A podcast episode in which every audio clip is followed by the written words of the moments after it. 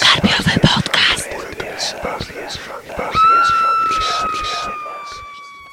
Witam Was, kochani, bardzo serdecznie w kolejnym odcinku Karpiowego Podcastu.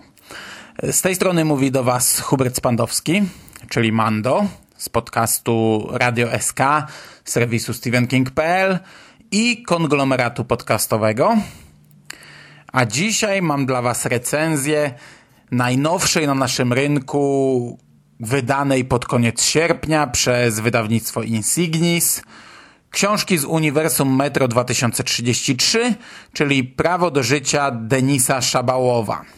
Prawo do życia jest drugą częścią trylogii, jeszcze nie wydanej trylogii, zapoczątkowanej powieścią pod tytułem Prawo do użycia siły, która na naszym rynku ukazała się całkiem niedawno, wiosną tego roku.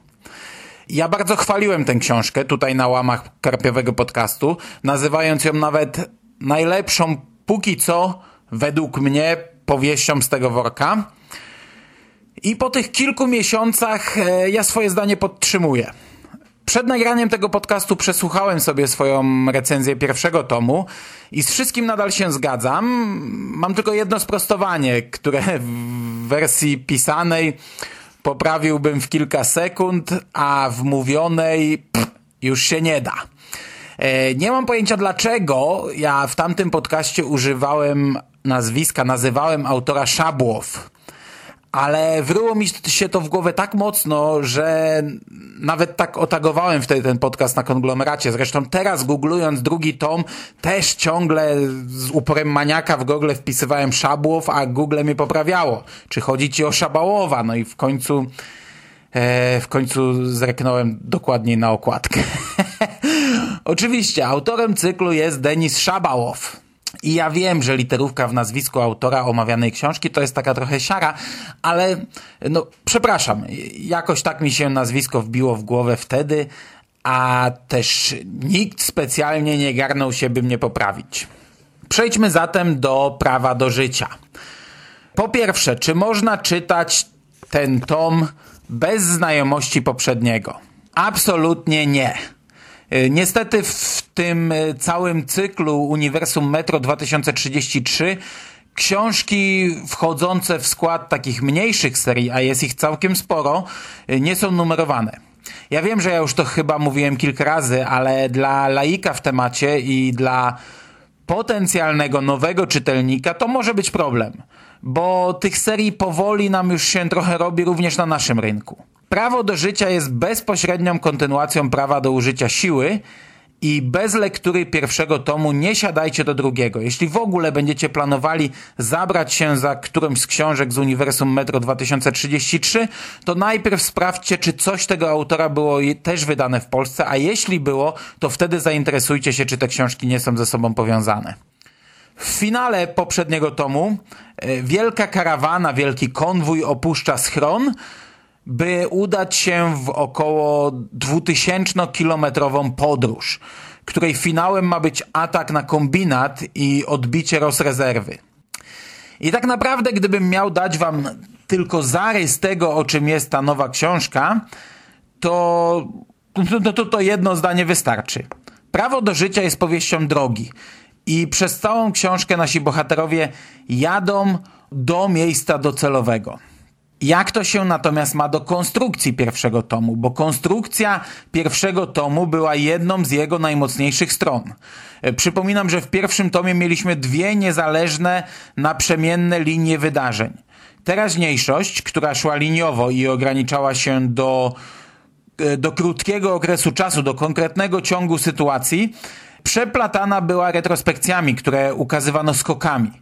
Od wybuchu wojny przez pierwsze próby przeżycia, formowanie się społeczności, pierwsze tragedie, samowolki, wprowadzenie różnych praw, początki formowania się stalkerów, ich treningi, pierwsze akcje zbrojne itd., itd. Pierwsza linia była ciągła, ograniczała się do krótkiego przedziału czasu, a druga opowiadała dwudziestoletnią historię schronu, a dokładniej głównego bohatera. Drugi tom wygląda nieco inaczej. Ok, tutaj też są retrospekcje, ale te ograniczają się tylko chyba do dwóch rozdziałów. Ogólnie cały tom to jest droga konwojem. Droga konwojem po powierzchni, która przeplatana jest kilkoma opowieściami. I to są opowieści z przeszłości, różne legendy, historyjki, anegdotki oraz e, kolejne przygody na postojach.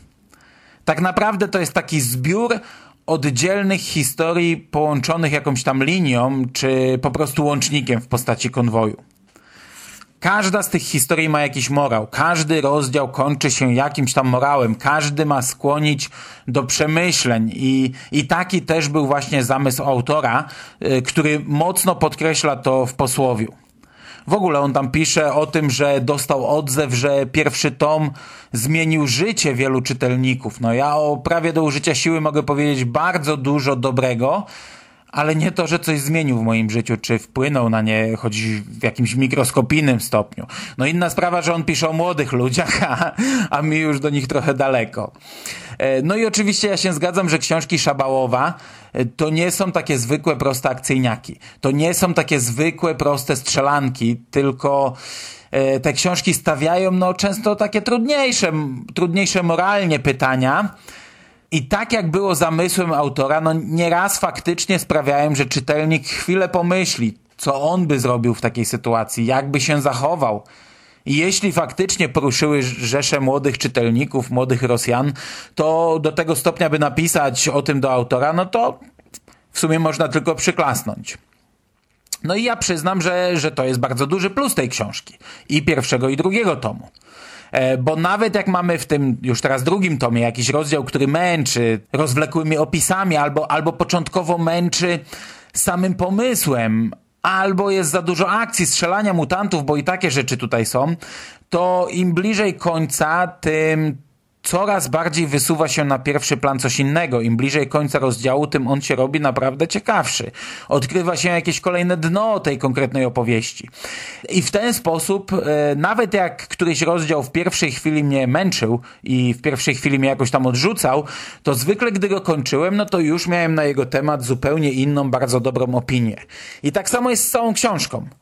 Nawet jak w pierwszej chwili ona nuży czy męczy, a trzeba przyznać, że początek trochę taki jest, no to, to przewracając ostatnią kartę, yy, ma się już zupełnie inną opinię, no przynajmniej ja miałem. I tak jak poprzednia książka była już w zasadzie pozbawiona metra, no bo bohaterowie mieszkali w schronie, tak tutaj to jest w stu procentach metro bez metra.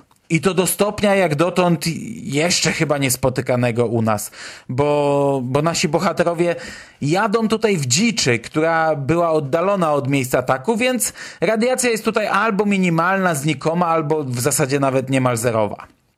Pod ziemię schodzimy tylko dosłownie w kilku miejscach i to tylko na chwilę. Retrospekcje dzieją się też głównie na powierzchni a teraźniejszość rozgrywa się na niej w zasadzie w całości. Kolejne postoje konwoju to nie są jakieś podziemne cywilizacje, a naziemne osady, domy, chatki czy większe budowle, czy większe miasta.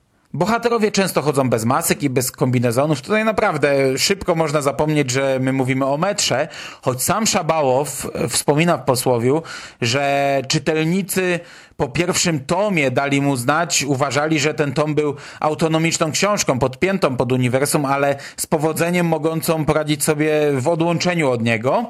Natomiast Prawo do życia, drugi tom, e, autor twierdzi, że dużo silniej wcisnął w to uniwersum e, i o tym za sekundę powiem. No to moim zdaniem mm, ta książka jest naprawdę bardzo wyrwana z tego świata. A wspomniana silna pozycja w uniwersum dotyczy e, bardzo ciekawych nawiązań, jakie serwuje Szabałow. Zarówno do oryginalnego metra Głukowskiego, jak i ponoć do książek z uniwersum metro ale tego albo nie wyłapałem, albo zapomniałem, albo zwyczajnie nie znam lub nie pamiętam tych książek, do których były nawiązania. Tak czy siak, no tutaj ogromny plus. Ja lubię takie zagrania. Jak natomiast wygląda ta książka od strony literackiej? Czy znów jest tak dużo broni, przypisów, technicznych spraw? Czy znów to się ociera o słownik, poradnik, encyklopedię broni i ekwipunku? Eee, chyba nie albo po prostu już mi się zatarła skala tego zjawiska, a że teraz wiedziałem, czego oczekiwać, to może to się tak już nie rzucało w oczy. E, zresztą ja to akurat też traktuję jako plus. Jak dla mnie i pierwszy tom nie był pod tym kątem przesadzony. Do tego jest tutaj różnorodność e, gatunkowa, bardzo ciekawie użyty motyw kanibalizmu. E, swoją drogą ja miałem w planie podobny motyw wykorzystać w opowiadaniu na konkurs do antologii fanów.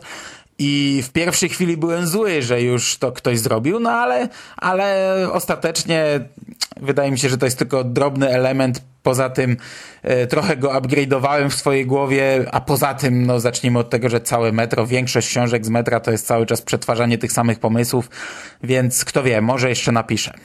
Mamy tutaj trochę horroru. Czy to w anegdotce Bajarza na początku, czy w wyprawie do przedszkola, do opuszczonego przedszkola, takiego e, teoretycznie nawiedzonego, do którego nikt nie chodzi, wszyscy boją się chodzić. No i mamy bardzo mocny, bardzo brutalny rozdział dziesiąty, który naprawdę robi piorunujące wrażenie. E, dużym plusem, jak dla mnie, są mutacje. Ja zwykle narzekam na mutacje, a to jest tutaj o tyle dziwne, że w tym takim wyraźnym, osadzonym w rzeczywistych, nazwijmy to realiach, dbającym o szczegóły świecie, to świetnie wypada, pomimo, że to są tak naprawdę dziwaczne, często kompletnie fantastyczne, maksymalnie pojechane i, i balansujące na granicy mutacje. E, ja już to chwaliłem przy pierwszym tomie, ale tutaj było kilka takich motywów, które naprawdę mi się niesamowicie podobały. Z pewną roślinką na czele. Na marginesie, e, Szabałow porusza tutaj temat e, szalonej różnorodności mutacji w różnych miejscach. No jego bohaterowie, bohaterowie tej książki podróżują przez kawał drogi, e, spotykają innych ludzi, słuchają opowieści z różnych stron, a Szabałow zwraca wyraźnie uwagę na to, co charakteryzuje całą serię Uniwersum Metro 2033, czyli mnogość i różnorodność różnych mutacji w różnych obszarach. Wyraźnie jest to powiedziane i bohaterowie dyskutują na ten temat i stawiają takie pytania, dlaczego tak jest? Dlaczego tak jest, że niemal w każdym mieście przyjęła się inna flora i fauna? To jest fajne, bo to jest takie łatanie tego uniwersum. To znaczy przynajmniej powiedzenie głośno czegoś, co każdemu czytelnikowi rzucało się w uszy. A skoro i bohaterowie zwracają na to uwagę i jakoś to tutaj uzasadniają, to to jest fajne zagranie. Co ciekawe, Szabałow porusza też temat samego promieniowania. I, I to też jest bardzo fajna dyskusja wyjaśniająca sporo w ramach tego uniwersum. Chociaż to są takie pojedyncze rozmowy, gdzieś tam rozrzucone po całej książce. Tutaj naprawdę fajne, to jest fajne, że jest dużo właśnie takich smaczków, że bohaterowie opowiadają o czymś, a jednocześnie nawiązują do innych rzeczy. Trzeba jednak przyznać, że w tym tomie no, autor momentami dość mocno popłynął z mutacjami. E, ja bardzo chwalę takie pojedyncze patenty, ale tutaj Szabałow e, często no, wychodzi o duży krok dalej. Nie kładzie nacisku tylko na nowe potwory i ich nowe zdolności, a bardziej na całą przestrzeń, która nas otacza. Bohaterowie wysuwają nawet taką tezę, jakoby na skutek wybuchów i promieniowania nastąpiły jakieś rozerwania czasoprzestrzeni, takie anomalie czasoprzestrzenne. E, punkty istniejące w czterech wymiarach, jakieś bąble, portale czasoprzestrzenne, nieskończone tunele zapętlone na zasadzie wstęgi i Mobiusa, które dzielą się, wydłużają i plączą coraz bardziej e, z każdą chwilą, kiedy są eksploratowane i tak dalej, i tak dalej. No jeśli widzieliście na przykład Hypercube, to tutaj są zagrania na tej zasadzie. Z jednej strony, no skoro kupujemy naprawdę dziwaczne mutacje w postaci zwierząt, potworów i często ich fantastycznych zdolności, no to czemu nie przyjąć też czegoś takiego? Z drugiej strony jest to tak napisane, że do końca nie wiemy, czy to jest faktycznie tego typu anomalia, czy jakieś halucynacje. No bo to mogą być tak naprawdę halucynacje, wytworzone poprzez działanie jakichś toksyn, na przykład wydzielanych przez jakieś rośliny, czy jakieś zwierzęta, czy jakieś inne dziwne, zmutowane potwory, na jakiś rodzaj hipnozy na przykład. Nie jest to jednoznacznie wyjaśnione, są tylko przypuszczenia, no ale trzeba się przygotować, że mamy tutaj dużo opisów tego typu wydarzeń. Nakładanie się na siebie czasu i nakładanie się na siebie przestrzeni, po której i w którym podróżują bohaterowie. I czasem to są takie pojedyncze sceny, rozrzucane po całej książce, to w sumie jest dość ciekawie połączone ze sobą, takie różne tropy rozrzucane po całej książce, które potem się gdzieś tam ze sobą zespajają, a czasem są to długie rozdziały.